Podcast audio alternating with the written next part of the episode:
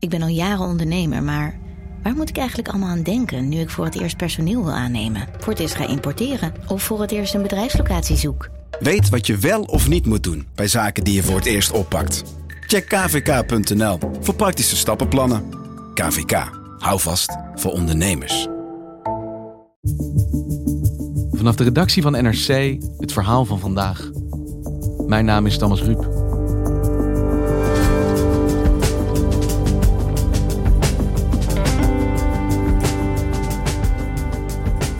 De zaak leek glashelder. Een man werd in het Gelderse Groesbeek op de kermis door vier daders bijna doodgeslagen. Politie erbij, getuigen genoeg, een veroordeling volgde. Maar toen nam de zaak een wending die justitieredacteur Marcel Hane in zijn hele carrière nog nooit heeft gezien.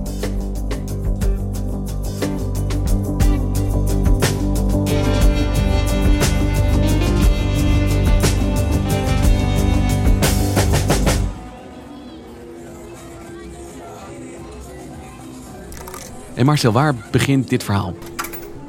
Dit verhaal begint in Groesbeek, een plaats naast de gemeente Nijmegen. Daar woont de hoofdpersoon van dit verhaal. Een, uh, een dan 45-jarige ondernemer die uh, dat weekend van uh, 30 augustus en 1 september op verzoek eigenlijk van de buurvrouw besluit om met zijn vriendin mee te gaan naar de kermis in Groesbeek.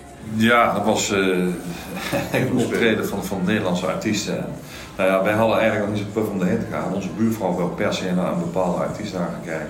Voor mij trad toen uh, Jannes op of iets dergelijks. Jannes? Jannes. Ja, bij Café Ome was dat. En, uh... Hij heeft eigenlijk niet zo'n zin, maar ze besluiten toch die avond naar de feesttent bij Café Omen in Groesbeek te gaan om, uh, om die feestavond mee te maken. Dus uh, we zijn naar het podium toegelopen, dus we staan daar. En,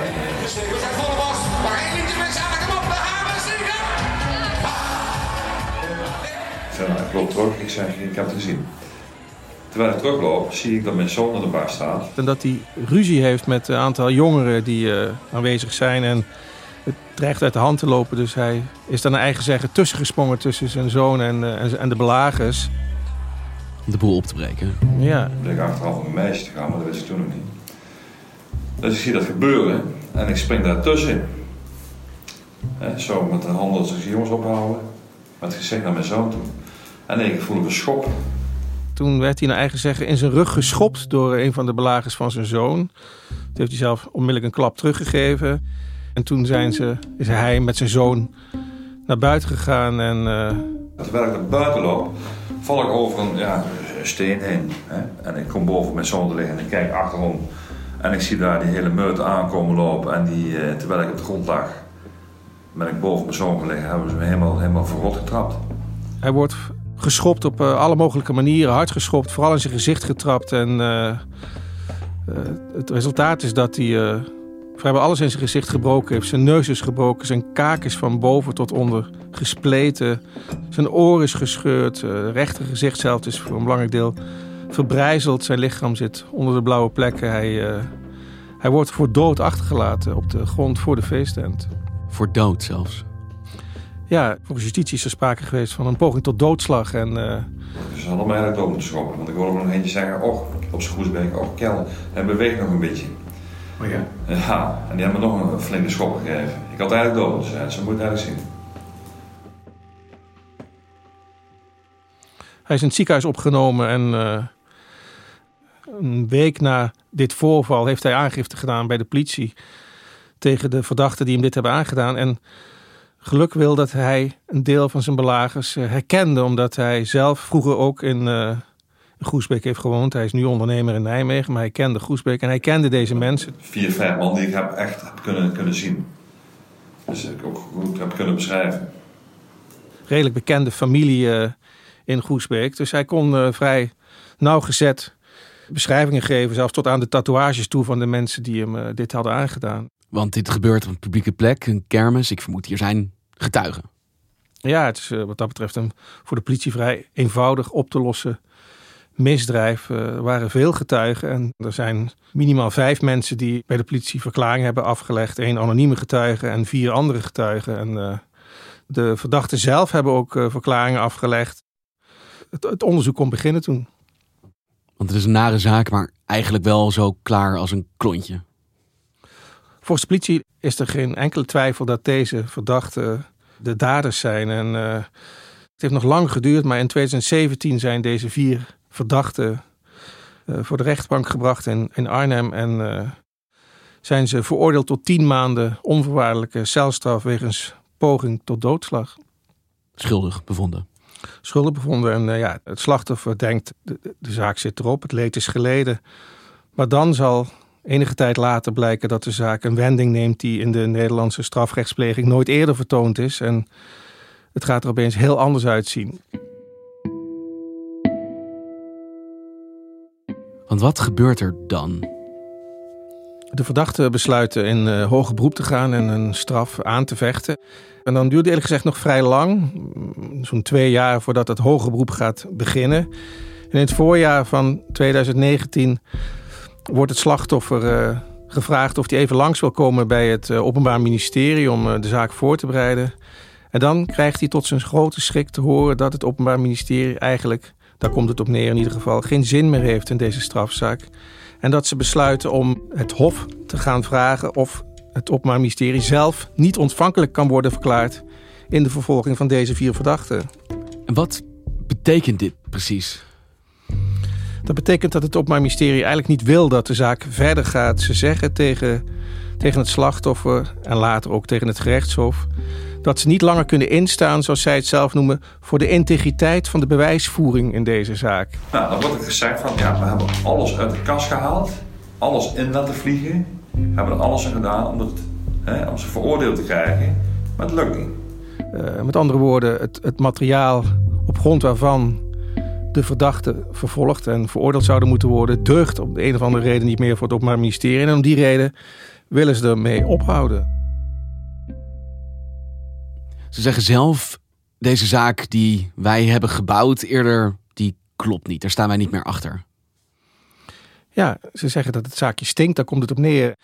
En dat het niet integer is wat ze, wat ze gedaan hebben en uh, dat ze ermee willen ophouden. En het merkwaardige is alleen dat ze op geen enkele manier willen uitleggen wat er dan niet deugt. Want je kunt niet zeggen dat dit nou een buitengewoon ingewikkelde strafzaak is, waarbij mogelijk sprake is geweest van bijzonder ingewikkelde opsporingsmethodes die bij nader inzien niet valide bleken te zijn. Het gaat hier om een appeltje-eitje-zaak. Een man wordt mishandeld door vier verdachten. Er zijn een reeks van getuigen die hebben verklaringen afgelegd. Hoe simpel kan het zijn? Het lijkt glashelder. Er zijn getuigen, niemand ontkent dat dit gebeurd is. En toch zeggen zij: dit wordt geen zaak. Ja, tot grote schrik van het slachtoffer is dit wat hij te horen krijgt. En meer ook niet. Het Hoge Broek dient in uh, oktober 2019 voor het gerechtshof, uh, ook in Arnhem. En daar is de advocaat-generaal, de aanklager aanwezig. Joep Simmelink heet hij. En er zitten drie raadsheren en, uh, en de vier verdachten met hun advocaten. Het slachtoffer zelf is niet aanwezig omdat hij, omdat hij er niet tegen kan. Hij weet wat er gaat gebeuren en is te getraumatiseerd. Zijn advocaat is wel aanwezig. En dan begint de advocaat-generaal aan zijn betoog en hij vraagt het hof inderdaad, zoals hij had aangekondigd, gooi mijn zaak in de prullenbak, want het bewijsmateriaal deugt niet. Hij formuleert het iets cryptischer en iets uitvoeriger. Hij zegt onder andere, ik zal even voorlezen uit de stukken. Uh, hij heeft als magistraat, als aanklager de plicht om te waken over de eerlijkheid van het proces, waarbij recht wordt gedaan aan alle op het spel staande belangen. En dan bedoelt hij niet alleen de belangen van de verdachte, de belangen van het slachtoffer en andere betrokkenen, maar ook de belangen van de samenleving. Want hij zegt eigenlijk, als hij door zou gaan met deze zaak, als het OM zou doorzetten, dan zouden ze de belangen van de samenleving kunnen schaden. Ja, hij zegt, de rondom het probleem spelende en te beschermen belangen staan niet toe nader te duiden wat er precies aan de hand is. Nadat de advocaat-generaal zijn betoog heeft geëindigd en het Hof dus heeft gevraagd van hou er alsjeblieft mee op, besluit het gerechtshof, dat zijn drie raadsheren, gek genoeg dat ze nog diezelfde dag uitspraak gaan doen. Normaal gesproken duurt het twee weken voordat zo'n uitspraak bekend wordt. Ze trekken zich even terug voor beraad en uh, na een uh, klein kwartiertje komen ze weer terug. En zeggen inderdaad dat het Openbaar Ministerie zin krijgt en dat de, de zaak definitief wordt stopgezet. De verdachten gaan vrij uit.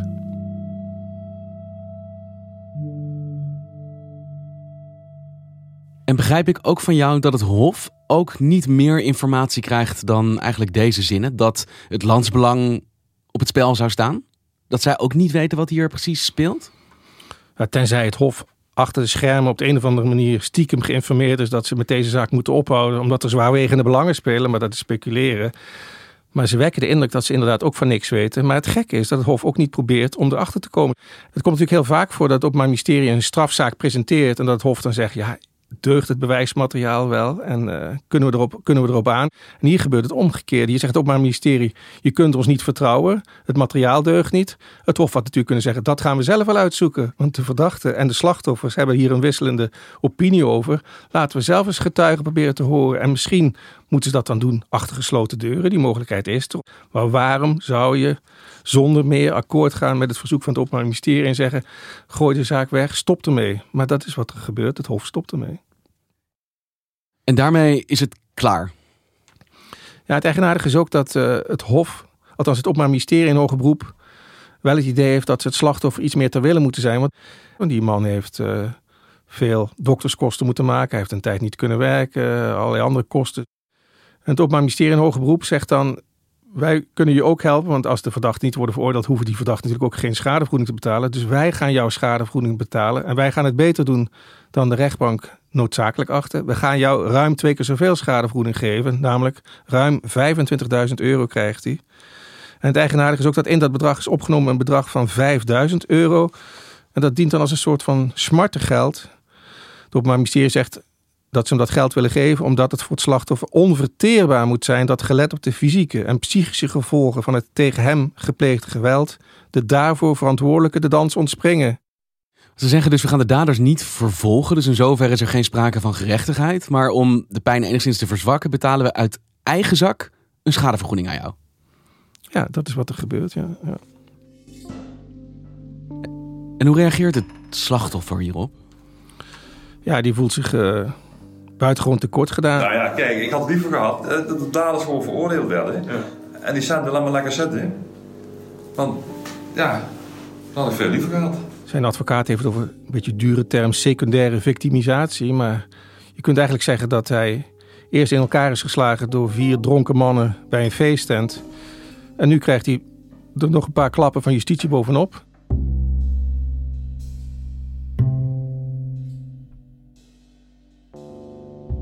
Heb jij in alle jaren dat jij voor ons over justitie schrijft eerder zoiets gezien? Dat een zaak zo helder lijkt dat het OM zelf zegt: ja, dit zijn de daders, maar we gaan niet vervolgen en de redenen daarvoor zijn geheim. Nou, op deze manier niet. Kijk, het komt natuurlijk voor dat een strafzaak, zeker een ingewikkelde strafzaak, waarbij sprake is van infiltratie door, door politie en justitie of het kopen van getuigen, eh, jarenlang durende drugsonderzoeken, dat er na een tijdje opeens een lijk uit de kast valt, uh, figuurlijk gezien. En, uh, en, en, het Openbaar Ministerie tot de conclusie moet komen van nee, deze zaak, bij nader inzien is er iets fout gegaan. We moeten ermee ophouden. Een beetje een flauw voorbeeld. Ik bedoel, je luistert iemand af en dat wil je als bewijs gebruiken. En achteraf blijkt, nee, die persoon had je nooit mogen afluisteren. Dat kan een situatie zijn die dan ontstaat bij een zaak. Nou ja, bijvoorbeeld, we hebben het hier dus over een zaak waarbij de verdachten afhankelijk werden veroordeeld op basis van getuigenverklaring. Stel dat je er later achter komt dat de getuigen geboorteboord zijn of, of anderszins zijn gemarteld en in die zin niet vrijwillig verklaringen hebben afgelegd. Ja, dat is lullig, dat willen we niet. Dus dan, als je daarachter komt, dan, moet je het, dan is het bewijsmateriaal uiteraard evident onbruikbaar en uh, dan verdwijnt die zaak in de prullenbak. Maar nogmaals, daar is hier geen sprake van, ja. Dus waar komen we dan op uit als je dit eigenlijk kan afstrepen?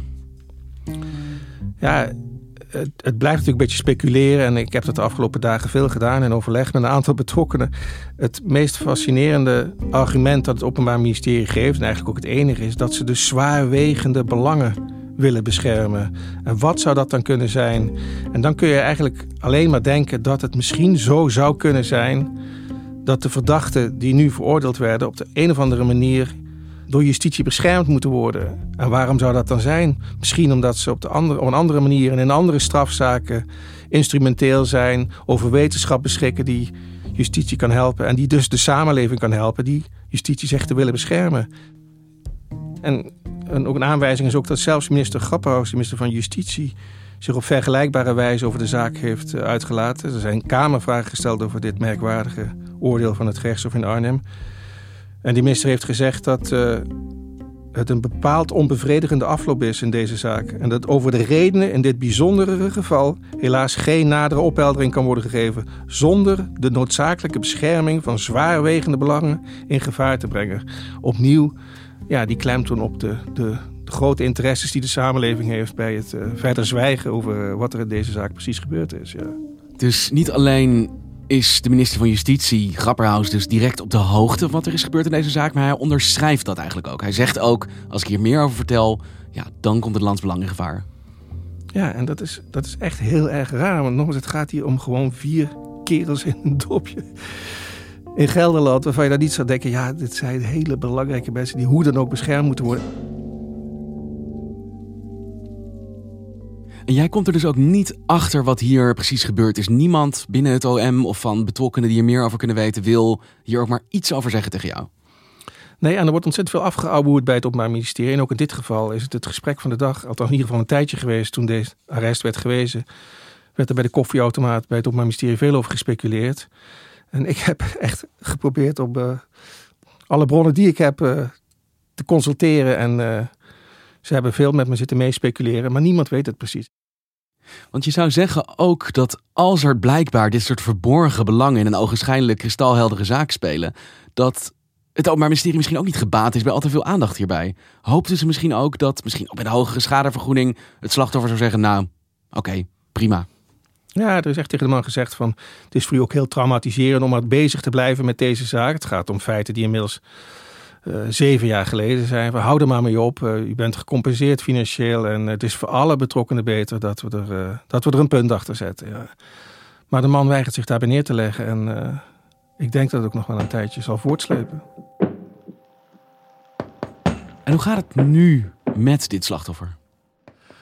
Hij heeft een hele goede chirurg gehad en zij, zij heeft een hoofd vol met uh, metalen platen. Alles wat je hier kan zien, zelfs de kaak, of de kaak gesplitst van boven tot onder kaak kopje gebroken, kaak of de, de slaap gebroken. Aan de rechterkant helemaal. Is dan nog gevoelloos. Ja? Ik ben de tandarts ben geweest, ja. Een stukje van mijn oor af hebben ze eraan moeten naaien. Mijn oor zat hier een beetje zo onder. Dus jukbeen gebroken, eh, alles. Hij heeft erg veel verdriet en uh, mogelijk zelfs ook geheugenverlies opgelopen door, uh, door de klappen die hij heeft moeten incasseren. En nogmaals, die klappen zijn nu uh, niet alleen afkomstig van de daders van deze vechtpartij, maar ook van het justitieel apparaat dat hem, naar eigen zeggen, volledig in de steek laat.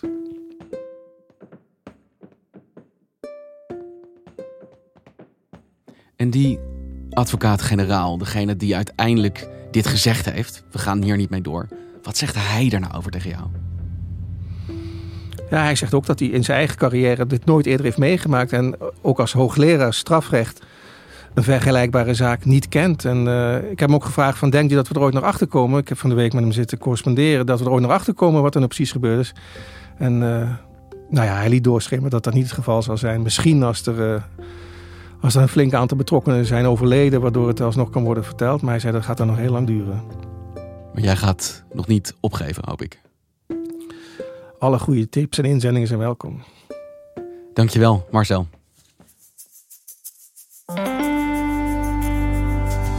Je luisterde naar vandaag, een podcast van NRC. Eén verhaal, elke dag.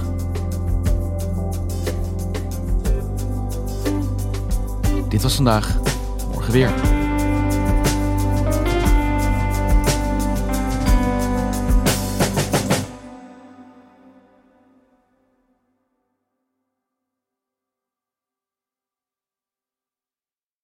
Technologie lijkt tegenwoordig het antwoord op iedere uitdaging. Bij PwC zien we dit anders.